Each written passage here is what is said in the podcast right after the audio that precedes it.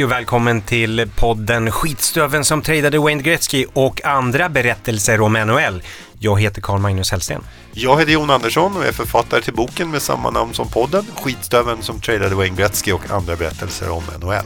Och jag heter Kristoffer Sjöborg och det här är ju ingen vanlig NHL-poddmang, eller hur? Det stämmer bra. Det här eh, handlar om, vi går lite grann bakom kulisserna, eh, berättar anekdoterna som är värda att lyssna på och vi siktar dessutom på 20 minuter, en hockeyperiod. Just det.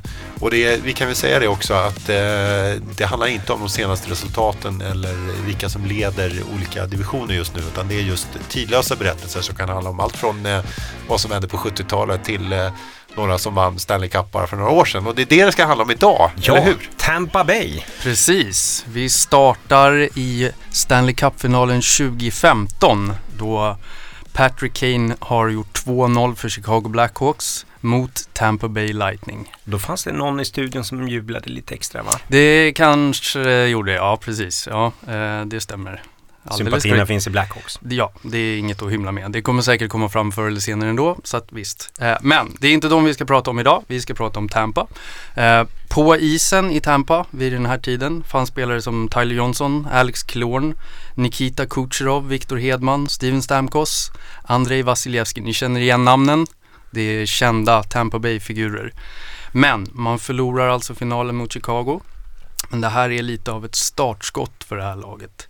Eh, några år senare, 2019, så kommer det här laget att vinna President's Trophy. Det är alltså det lag som tar flest poäng under grundserien. Nikita Kucherov vinner poängligan med 128 poäng, 41 mål och 87 assist. Det är alltså mest poäng under en säsong av en rysk spelare någonsin. Han slår eh, Alexander Mogilnys gamla rekord kan vi säga. Precis. Och, det, och han får dessutom Hart Trophy som eh, ligans mest värdefulla spelare det året. Så att det är verkligen både individuellt och för laget så är det här en enormt bra säsong. Men 2019, allt det här, det är på topp allting. De skulle bara flyga fram mot den där Stanley Cup-pokalen. Det är bara hem och hämta den. Nej. Men, Nej, de åker ut i fyra raka matcher mot Columbus Blue Jackets som alltså, om jag inte missminner mig, slutar, vad är det, 30 ja, de är poäng va? 30 poäng efter I, Tampa i Bay. De måste nästan ha en kikare för att se Tampa Bay längre fram i tabellen. Och Och det- det, ja, det som är intressant här också, att det här är ju Columbus allra första seger i en slutspelserie. Det tog åtta år för Blue Jackets att ens komma till slutspel. De hade bara fyra slutspel på 18 år. Aldrig, hade bara vunnit fem matcher på fyra slutspelsvisiter. Eh, och så sveper de. President's. Trophy-vinnaren Tampa Bay. Och det här, eh, det här ger ju, eh, det här, folk, eh, Tampa-fansen blir ju inte sådär jätteglada utan man skapar ganska snabbt en hashtag på Twitter som man kallar för Fire Cooper, alltså John Cooper tränaren då som, man, som precis har skrivit på ett nytt treårskontrakt vill man eh, sparka. Så att det är ganska, ganska så heta känslor i, i Tampa efter det här. Hett i Florida kan man ju säga. Hett i Florida. Precis. Och här, en, en liten eh, instabil organisation hade kanske kunnat eh, påverkats av eh, Twitterstormar, eh, upprörda fans och kanske sparkat Co- Cooper. Men det gör man hade inte. kunnat gjort det. Nej. han sitter ju faktiskt kvar än idag. Ehm, men säsongen efter det här debaclet, om vi får kalla det för det, ehm, så börjar det ganska trögt ehm, för Tampa och även för Nikita Kucherov. Men vändningen kommer i Stockholm lite grann faktiskt. Ja, eller i alla fall, det är möjligt, att, det är möjligt att, att vi övervärderar det här för att vi själva var där, vi såg honom göra mål. Men det är ju faktiskt så att, att Tampa efter en ganska svag inledning, eh, man vinner två matcher mot Buffalo och i Stockholm och sen börjar det hända något. Man börjar klättra i tabellen, man börjar visa att man är ett, ett, ett bra lag som ju ska med och spela i slutspelet i året. Man har ju också pratat om det här sen att just det här med teambuilding, åka iväg tillsammans, att det har en ganska stor vikt i allt det här Ja. också. Liksom. Sen kan man ju tolka det som man vill men det, ja, många tror på det i alla fall. Och det är en lite konstig säsong där. Det ska vi väl också säga. Ja. För att eh, helt plötsligt i mars då så stängs hela ligan ner på grund av eh, covid-19. Exakt, globala pandemin stänger ner allting och eh, det dröjer länge innan man kan återuppta spelet och när man väl gör det, ja då är det en bubbla. Precis, och i bubblan, eh, de flesta av er som lyssnar på det här kanske kommer ihåg, men, men det är ju då att man spelar alltså ett, ett slutspel i två olika städer, i Edmonton och i Toronto, där lagen i princip är helt instängda. Ja, För på att man- hotellrummen. Ja. Du får bara åka mellan hotellen och arenan. Ja men precis, för att man då ska kunna ändå spela ett eh, slutspel och det är också då en så kallad play-in omgång så att det är lite fler lagen som brukar vara med i slutspelet. Men de bästa lagen som har placerat sig bäst de får spela en, en serie, en placeringsserie där, där Tampa är med vilket gör då att de får möta en av de svagare lagen vilket en, Ja. än en gång är vilka då Stoffe? Columbus Blue Jackets. De måste ju varit livrädda i Tampa Bay. Nej, ska vi möta Precis. Blue Jackets igen? Och det blir ju också oerhört spännande i och med att den här första matchen, den är ju, om vi har overtime ibland i våra eh, perioder, avsnitt, så går alltså den här matchen till fem övertidsperioder. Eh, 10-27 först i den femte övertidsperioden. Då avgör Lightnings eh, forward eh, Braden Point och eh, vinner matchen åt eh, Tampa. Så att, eh, Undrar hur många pizzor det gick åt under i ja de det kan man fråga där. sig. Och jag, och jag tror även om man då har bara vunnit en match så var det nog något som hände i Ja, Tampa då. ja. Att man lyckades vinna den där första matchen. Tänk på det där, tänk om Columbus hade vunnit den där matchen. Då hade spöket kanske kommit igen, men det där var nog en riktigt förlösande Då seger. kanske faktiskt. Cooper hade fått eh, kicken. Och det går ganska geschwint då, eller alltså lätt för Tampa för man vinner med 4-1 i matcher mot Columbus. Så sen fortsätter man ju bara ånga, ånga på, eller hur Stoffe? Ja men precis, man går ju till final, eh, vinner den med 4-2 i matcher mot Dallas i den här bubblan då, ingen publik, ni kommer ihåg hur det ser ut. De- Kusligt. Ja, lite kusligt, lite fejkade publikljud, lite sådär va. Eh, men eh, en seger är en seger. Eh, Just det, vi ska, jag ska bara, bara, bara en sak till om Columbus som jag glömde säga som ändå är en lite rolig grej apropå John Cooper. Det är ju att han, han fällde ju då det, ja, tycker jag, numera legendariska uttalandet efter, efter den här när man hade vunnit slutspelsserien. Vi hade 422 dagar att tänka på det, men vem räknar? Sa Cooper efter.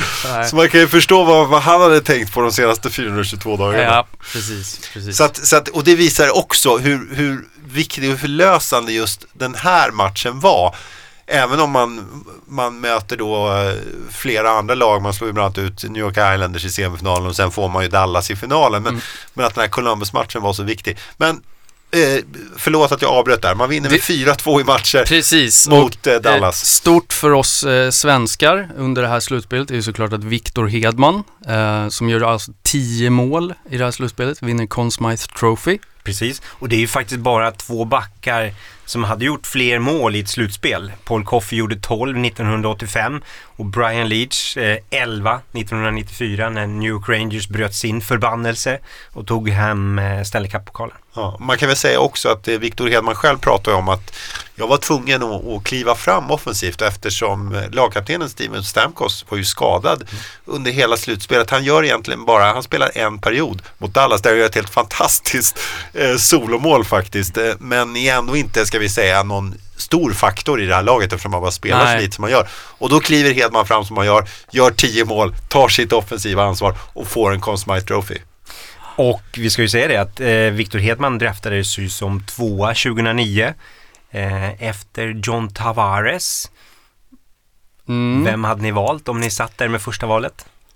Det är ju lätt att vara efterklok. Eh, jag hade ju nog kanske tagit Hedman ändå. Ja, det hade jag Eh, också. Men jag kommer ihåg, jag hörde någon NHL-podd, jag vet inte om det var NHLs egna podd eller något för något år sedan och de tyckte då att jag fortfarande hade valt Tavares. För mig är det självklart att jag, att jag hade valt Hedman först faktiskt. Sen var det ju så att Tavares var ju liksom, han var ju namnet då. Det var, hade man inte tagit honom som nummer ett så hade man väl blivit idiotförklarad redan där och då. Om man Eh, dessutom tar en eh, ung kille från Övik, Ja men precis, svensk ja exakt, va? ja precis. Det hade ju bara gjort det var ännu tu- värre. Men, Hedman var nog bara glad för det kan man säga. ja, det har vi Det varit inne på. mer press på, Ja, på vilken press det hade För, varit. för det man gjorde, hade, man hade ju gjort en ganska bra draft då året innan också, eller Ja, hur? För då, det, man var ett ganska dåligt lag så man fick Ja. välja som etta. Exakt. Eh, för det har ju varit, Tampa Bay är ju ett av de hetaste lagen på 2000-talet. Men det var ju, eh, ja hur började det egentligen? Det, det finns ju en liten skön historia där hur hockeyn kom till Tampa Bay Ja, just från det. början. En liten utvikning kanske då, men, men det var ju så att Phil Esposito, den, ga- den gamle stjärnforwarden, han, eh, det var ju han som var frontfiguren för att Tampa då skulle få ett NHL-lag i början på 90-talet. Och han lyckades till slut göra det genom att då få hjälp av en japanska eh, finansiärer som lyckades då betala de pengar som behövdes för att man skulle få en NHL-licens. Och den här japanska ägaren var ju ganska mytomspunnen. Det pratades ju om ett tag om att man aldrig såg till den här ägaren. Fanns han överhuvudtaget? Det ryktades också om att man eh, ville använda de här pengarna för laget för att kunna tvätta pengar åt Yakuzan. Ehm, jag vet inte om allt det här stämmer men det är, det är en bra historia. det var ju kanske inte de bästa sportsliga förutsättningarna där de första åren. Och tittar vi på Tampas första decennium i NHL så gick de till ett slutspel på tio år.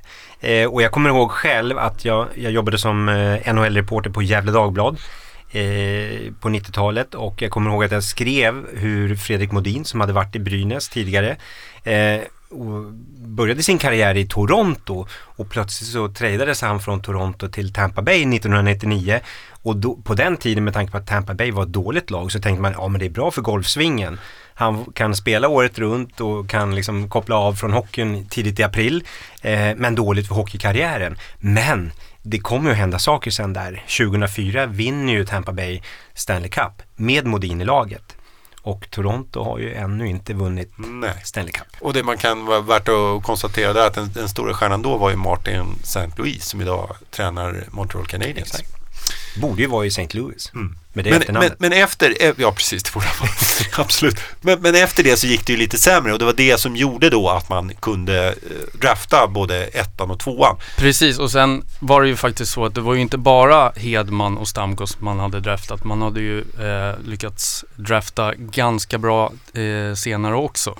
Precis och den som var ansvarig för de draftvalen som du syftar på, Stoffe, 2011 Nikita Kucherov och Vasiljevski 2012 och Braden Point 2014. Ja, det är ju en viss Steve Eiserman. Precis. Och vi ska väl inte glömma bort heller att det här var ju inte direkt, framförallt Kucherov och Point är ju, det är ju riktigt bra scouting där, för det var inte första valen direkt. Nej, exakt. Vi, vi tar det i kronologisk ordning då. Nikita Kucherov eh, kommer som 58 valet 2011. Han vinner poängligan i slutspelet 2020 med 34 poäng, 27 assist, flest av alla. Eh, berätta lite om Kucherovs bakgrund. Ja, nej men Kucherov han eh, är ju uppvuxen då i eh, Ryssland. Men eh, det var ett nytt Ryssland, det var eh, muren hade fallit precis och eh, man kunde börja drömma om NHL. Det hade börjat komma ryska spelare och spela i NHL.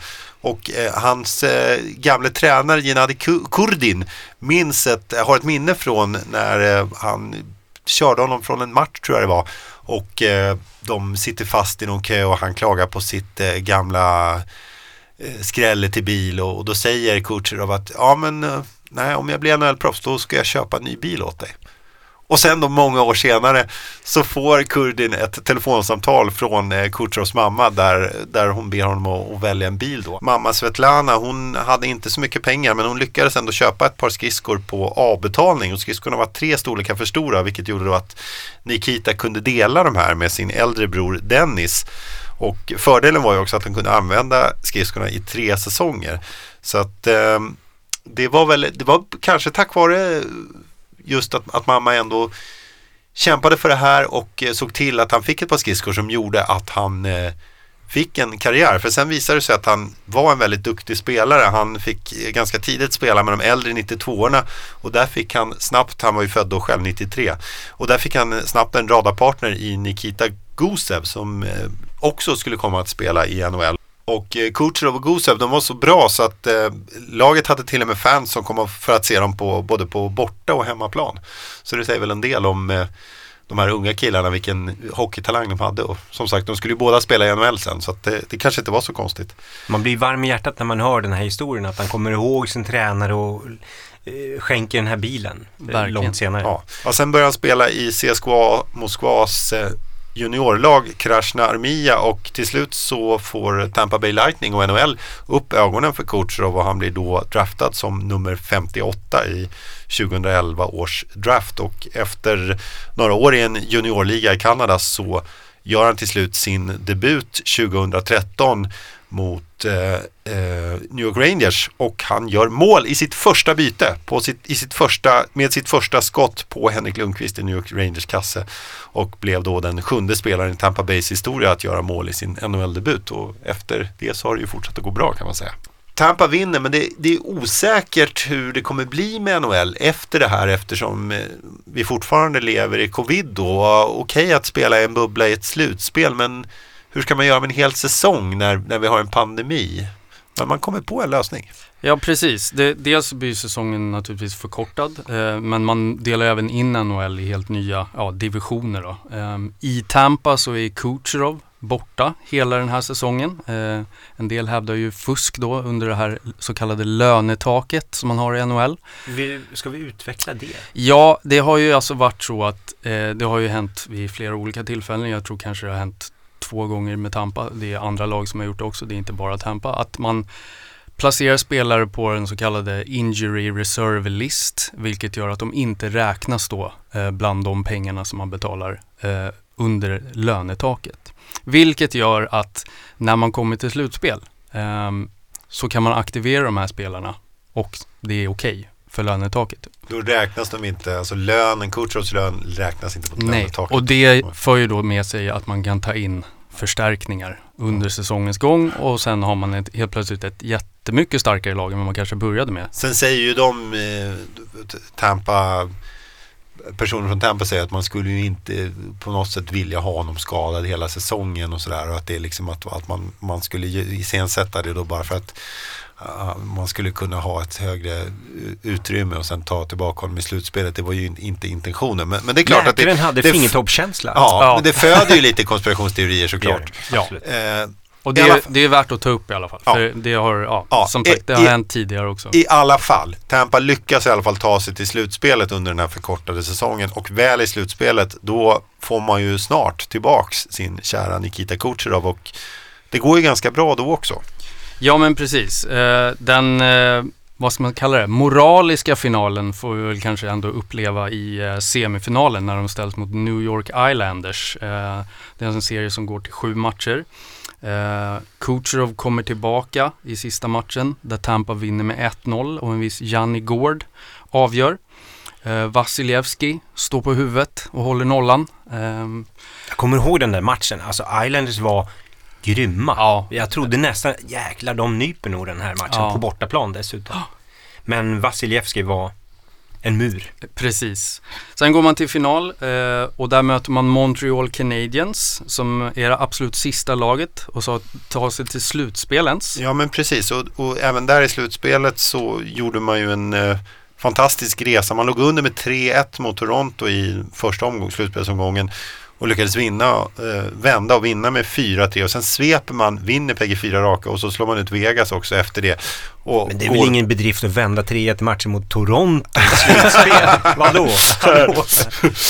det är bara Maple Leaf. Ja, jo det är sant. Och sen eh, går man då till final och det här är alltså den första finalen som Canadiens spelar sedan 1993 då man vann Stanley Cup och det är också sista gången som ett kanadensiskt lag har vunnit Stanley Cup. Så nu föds ju förhoppningarna. Kan ett vinna? Inte så deppigt så är det sista gången va? Vi får säga senaste gången. Ja just det, förlåt. Ja. Förlåt, förlåt. Senast, det kan mycket väl vara sista gången. Senaste gången senaste ska vi säga. Vi får väl ändå hoppas att det kan bli något kanadensiskt lag som kan vinna här framöver. Nej men precis, senaste gången man vinner. Precis, och i uh, match 5 så får då Tampa möjlighet att uh, ta hem Lord Stanleys pokal på hemmaplan. Och då är det publik på läktarna? Då är det publik på läktarna igen, precis. Uh, inga tomma läktare och fejkade publikljud den här gången. Och man, för man hade kunnat vinna redan i match fyra, men då vinner ju Montreal och då är det lite sådär att, ja de säger ju det att ja vi hade ju gärna vunnit matchen men nu får vi chansen att göra det här inför våra hemmafans. Och inte minst med tanke på att 2019 avgjordes i en bubbla, 2020 ska jag säga, avgjordes i en bubbla utan fans. Så att Tampa vann ju då utan att man hade någon publik som fick vara med och fira med dem. Så det är klart att lite glada är man att man, man kan få avgöra det här på hemmaplan. Såklart, det måste ju vara en väldigt mycket större känsla att få dela det med hemmapubliken. Tampa vinner matchen med 1-0. Ross Colton avgör. Osannolik hjälte kan man säga det är ju inte den person som kanske vanligtvis gör mål. Men eh, det finns ju en annan hjälte också i laget, eller hur Stoffe? Ja men precis. I eh, slutspel så håller alltså Andrei Vasilevski nollan hela fem gånger. Och fyra av de gångerna är helt avgörande matcher. Det leder naturligtvis till att han får Conn Smythe Trophy. En annan unik företeelse under den här Stanley Cup-finalen är ju att Pat Maroon vinner sin tredje titel på lika många år. Två med Tampa och ett med St. Louis. Och han blev ju då den första på nästan 40 år att vinna tre Stanley Cup i rad. Precis, och för att knyta an till det vi började med så har ju John Cooper sagt att um, jag citerar ur Jontes bok här. Jag antar att det finns några skickliga människor som lyckas direkt. Men i en lagsport så tror jag verkligen att du måste uppleva ett misslyckande innan du kan lyckas. Och den här John Cooper, han är ju lite speciell, eller hur Jonte? Ja, precis. Vi ska säga det också att det här sa han efter den första segern, men det gäller ju också även den efter den andra ja. såklart. John Cooper är lite speciell, han har en väldigt speciell bakgrund. Om vi tittar på många av de här coacherna idag så är de ju gamla spelare, gamla trän tränare, har hängt med länge, ägnat sig åt hockey nästan hela sitt liv. Så var det inte med John Cooper. Han började nämligen som försvarsadvokat. Och eh, han eh, hade då tagit en examen i företagsekonomi på Wall Street men bestämde sig sen för att plugga till jurist. Och eh, 1999 så tog han examen vid ett universitet i Michigan och arbetade under de följande åren som försvarsadvokat i delstaten. Och en eh, domare som jobbade i Mason, Michigan eh, som heter Tom Brennan han eh, berättar att eh, Cooper var en väldigt skicklig eh, advokat. Han säger att han kunde få vad han än behövde från åklagaren. Jag kunde se att han var ämnad till att bli en bra advokat. Det här sa han i en intervju i New York Times för ett antal år sedan. Men eh, Cooper hade kunnat fortsätta säkert som en väldigt eh, skicklig försvarsadvokat men han ville annat. Och det var delvis Brennan som låg bakom det här karriärbytet också därför att eh, hans sons hockeylag i high school behövde en ny tränare. Och det var så hans karriär tog fart? Ja, precis. För att eh, eh, advokaterna på orten hade ju ett eh, hockeylag och eh, Cooper var ju självklart då den skickligaste spelaren där så därför rådde det ingen tvekan om vem Brennan skulle fråga när sonen behövde ett, eh, en tränare för laget. Och eh, Cooper han eh, tackade ja. Han tyckte att det där kunde väl vara roligt och började gå vidare och träna flera olika juniorlag och det här gjorde att coachsysslan tog upp allt mer av hans tid. Men än så länge så ägnade han sig åt det fortfarande gratis då vid sidan av jobbet som advokat. Men till slut insåg han att han jag måste försöka hitta ett sätt att få betalt för det här. Liksom, jag kan inte bara ägna alla dessa timmar åt att eh, coacha hockey helt gratis. Så när han fick frågan om att eh, driva ett nybildat lag i juniorligan NAHL, alltså North American Hockey League, eh, med namnet Texarkana Bandits hette det här laget. Då tackade han ja, men det är klart banditer måste ha en bra advokat. Men hur var det att coacha ett sånt lag? North American Hockey League, det är ju inte det mest kända ligan, eller? Nej men precis, man eh, fick ju göra ganska mycket annat än att eh, bara coacha spelare. Det innebar att man faktiskt behövde göra det mesta själv. Bland annat så lärde sig Cooper att fixa till isen, att spraya den och sätta upp sargerna. Och eh, de spelar ju en gammal sliten arena också så om det regnade ordentligt då fick de stoppa matchen eftersom det blev strömavbrott. Och han säger själv att de här erfar erfarenheterna har hållit honom nere på jorden nu när han jobbar som coach i NHL. Att eh, det var liksom en eh, viktig utbildning menar han, att, att börja på botten då, alla längst ner. Så att, eh, och den här ödmjukheten har väl följt med honom kan man säga. Vi har ju intervjuat Anton Strålman om just Cooper och han säger att Cooper är en, han har ett välutvecklat språk, han, han kan tala och argumentera och han menar också att hans bakgrund som advokat är ju inte helt dum här när det handlar om att stå inför ett omklädningsrum med hockeyspelare som halvt lyssnar och halvt inte. Då är det ganska viktigt att kunna förmedla det man vill säga. Och flera, flera av hans gamla spelare har sagt samma sak. Eric Condra, han spelade för Cooper båda i Tampa och Texarkana Bandits. Så han menar att eh, Coopers största styrka är förmodligen just att han har talets gåva och har lätt att övertyga sina spelare att göra vad som helst för honom. Och Tyler Johnson som ju spelade för Cooper också, i, bland annat i de här två lagen som vann Stanley Cup då, även om han har lämnat Tampa nu. Han menar ju också då att eh, Coopers eh, bakgrund som advokat avspeglas i hans sätt att coacha.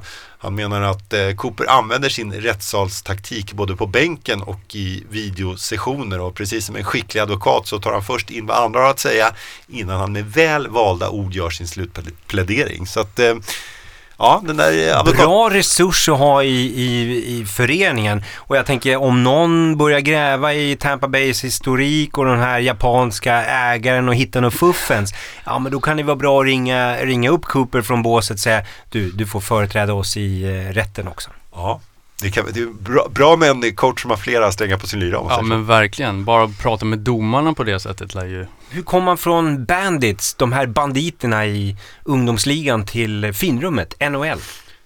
Cooper fortsatte ju att streta och eh, ville verkligen eh, coacha och tog sig upp på en, en högre nivå då han fick, eh, 2010 så fick han jobbet som coach för Tampa Bay Lightnings farmarlag Norfolk, Norfolk Admirals.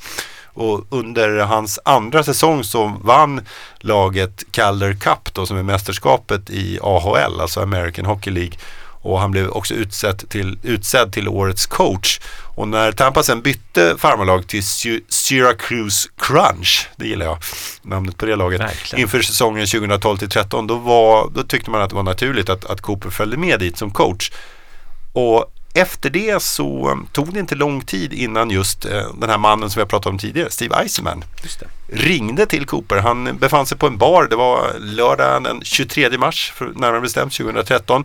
Och eh, han befann sig på sin favoritbar i Syracuse eh, som han hade åkt till då efter kvällens match som Syracuse Crunch hade spelat. Och där får han ett samtal från Steven Eisenman som då var Tampa Bays dåvarande general manager. Men det var ganska livligt i baren. Det var en, eh, ett eh, lokalt basketlag som spelade en match och han eh, ville liksom inte, han sa kan du, kan du Iceman tyckte att det var lite stökigt så han frågade om han kunde ringa tillbaka. Så coach gick ut i kylan och satte sig i sin bil och väntade på ett samtal vilket han tycker tog väldigt lång tid. Och till slut ringer Iceman och säger att han då vill att han ska börja jobba som coach för Tampa Bay. Vi har ju varit inne på Steve Eisermans draftval.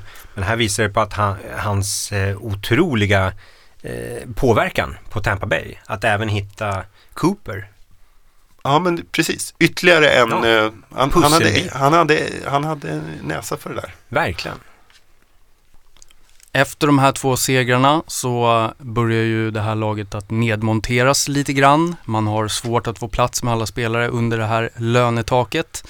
Eh, det är spelare som Johnny Gord, Blake Coleman, Barkley Goodrow. En, All, hela deras tredje kedja? Hela deras tredje kedja som var extremt bra eh, under den här ja, ganska korta perioden som de spelade tillsammans. De tradeade ju till sig Goodrow och eh, Coleman och det sa bara klick direkt mellan de här tre och de spelade ja, fantastiskt bra. Och det var alltså en tredje, tredje lina som, som Cooper har sagt att alltså, de bryr sig inte om vem de spelar mot. Det är bara att stoppa in dem mot vem som helst, de bara kör liksom. Och de var ju väldigt bra i de här eh, slutspelen ja, också. Ja, det är den typen av spelare som på något sätt märks ännu mer när det är slutspel. Det är ju spelare som kallas för grinders, alltså grovarbetare som jobbar, jobbar, jobbar, jobbar, sliter, sliter tills pucken är i mål eller tills man inte har släppt in några mål. Men de var fantastiskt bra. Men man kunde inte behålla dem, tyvärr. Um, Gord försvann i expansionsdraften, Coleman till Calgary och Goodrow spelar väl i Rangers nu. Och trots det så tar de sig ändå till final, även det tredje året, mot Colorado. Precis, vilket är en väldigt stark bedrift med tanke på alla spelare som har eh, tappat då. Och det här visar ju också hur svårt det är att jag, jag bygga en dynasti och vinna fyra titlar i rad. Ja, och det är ju lite det här med lönetaget. Ja, Sam, samma sak som hände i Chicago. Att man, man, man blir eh, utarmad efter ett tag för att spelarna blir lite för bra kanske för sina kontrakt och, och så kan man inte behålla dem längre.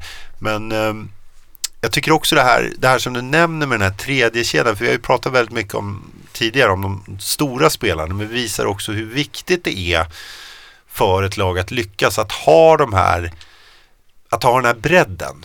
Eh, det har ju till exempel varit lite problemet för ett lag som Edmonton Oilers att man har haft väldigt bra spets men inte lika bra bredd. Det krävs lite både och. Det som gör Tampa så bra var ju att man hade en otrolig spets också. I form av, ja, som jag nämnt, coacher av Point, Hedman, Stamkos. Och så har man de här väldigt duktiga men ändå lite mer grovarbetande också. Ja, precis. De är ju också, två av de här spelarna är ju odraftade. Både Janne Gård och eh, Barkley Goodrow är odraftade och går liksom den hårda vägen. Lite samma väg som, som Cooper själv gick till NHL. Och den, jag, jag får en känsla av att de, de har det liksom gemensamt eh, när, de, när de gör det här. Och de har en ganska hög förståelse för varandra i det jobbet faktiskt. För att knyta ihop den här säcken eh, så ska vi prata om, eh, alltså det är ju en dynasti det här, eh, utan tvekan. Men hur står de sig gentemot de andra lagen på 2000-talet? Vad tycker ni? Jag skulle ju till och med kunna sträcka mig till att säga att jag tycker nog, jag, jag vet att eh, Chicago Blackhawks har vunnit tre Stanley Cup. Jag vet att eh, Pittsburgh Penguins med, ja, Pittsburgh Penguins med, med, med Malkin och Crosby, det är svårt att förbise dem och sen har vi ju Los Angeles Kings då med deras och Detroit var väldigt bra i början och sådär men ah, jag vet inte, jag skulle nästan slänga till med att jag tycker ändå att Tampas lag som de hade då och just den här, alltså både bredden och spetsen som de hade. Jag skulle nästan säga att det här är det bästa laget på 2000-talet. Tycker ni att jag tar i då? Nej, det finns full förståelse för det, absolut. Och alla lag du nämner där skulle ju kunna lista, toppa den listan. Jag sticker ut hakan och säger Vegas Golden Knights. Eh, de kommer som helt nytt lag att ta sig hela vägen till Stanley Cup-final 2018 och vinner Stanley Cup det sjätte året. Jag skulle säga att Vegas, vilken jackpot. Ja, jag, jag håller med dig Jonte. Det är ju de lagen som du eh, rabblade upp här tidigare. Det är eh, Pittsburgh, eh, Chicago, Kings och Tampa. Det är svårt att rangordna. Ska man, va, ska man hårdra det då, då är det ringar som, som räknas. Och då är det Pittsburgh och det är Chicago. Sen har ju Tampa då, de har ju varit i en final och vunnit två. Um, så att det, är, ja, det är väldigt, väldigt, väldigt, väldigt jämnt. Vad tycker ni själva? Skriv gärna i kommentarsfältet vilket lag ni tycker är bäst på 2000-talet och gå gärna in och gilla vår podd eller ge vår podd högsta betyg så att eh, fler kan upptäcka den. Och prenumerera på podden så missar du inget avsnitt. Nej, precis. Stort tack för att ni har lyssnat idag. Tack Mange, tack Jonte. Tack själv. Tack. Tack för att ni har lyssnat. Ja, tack så jättemycket. Återhörande. Bra.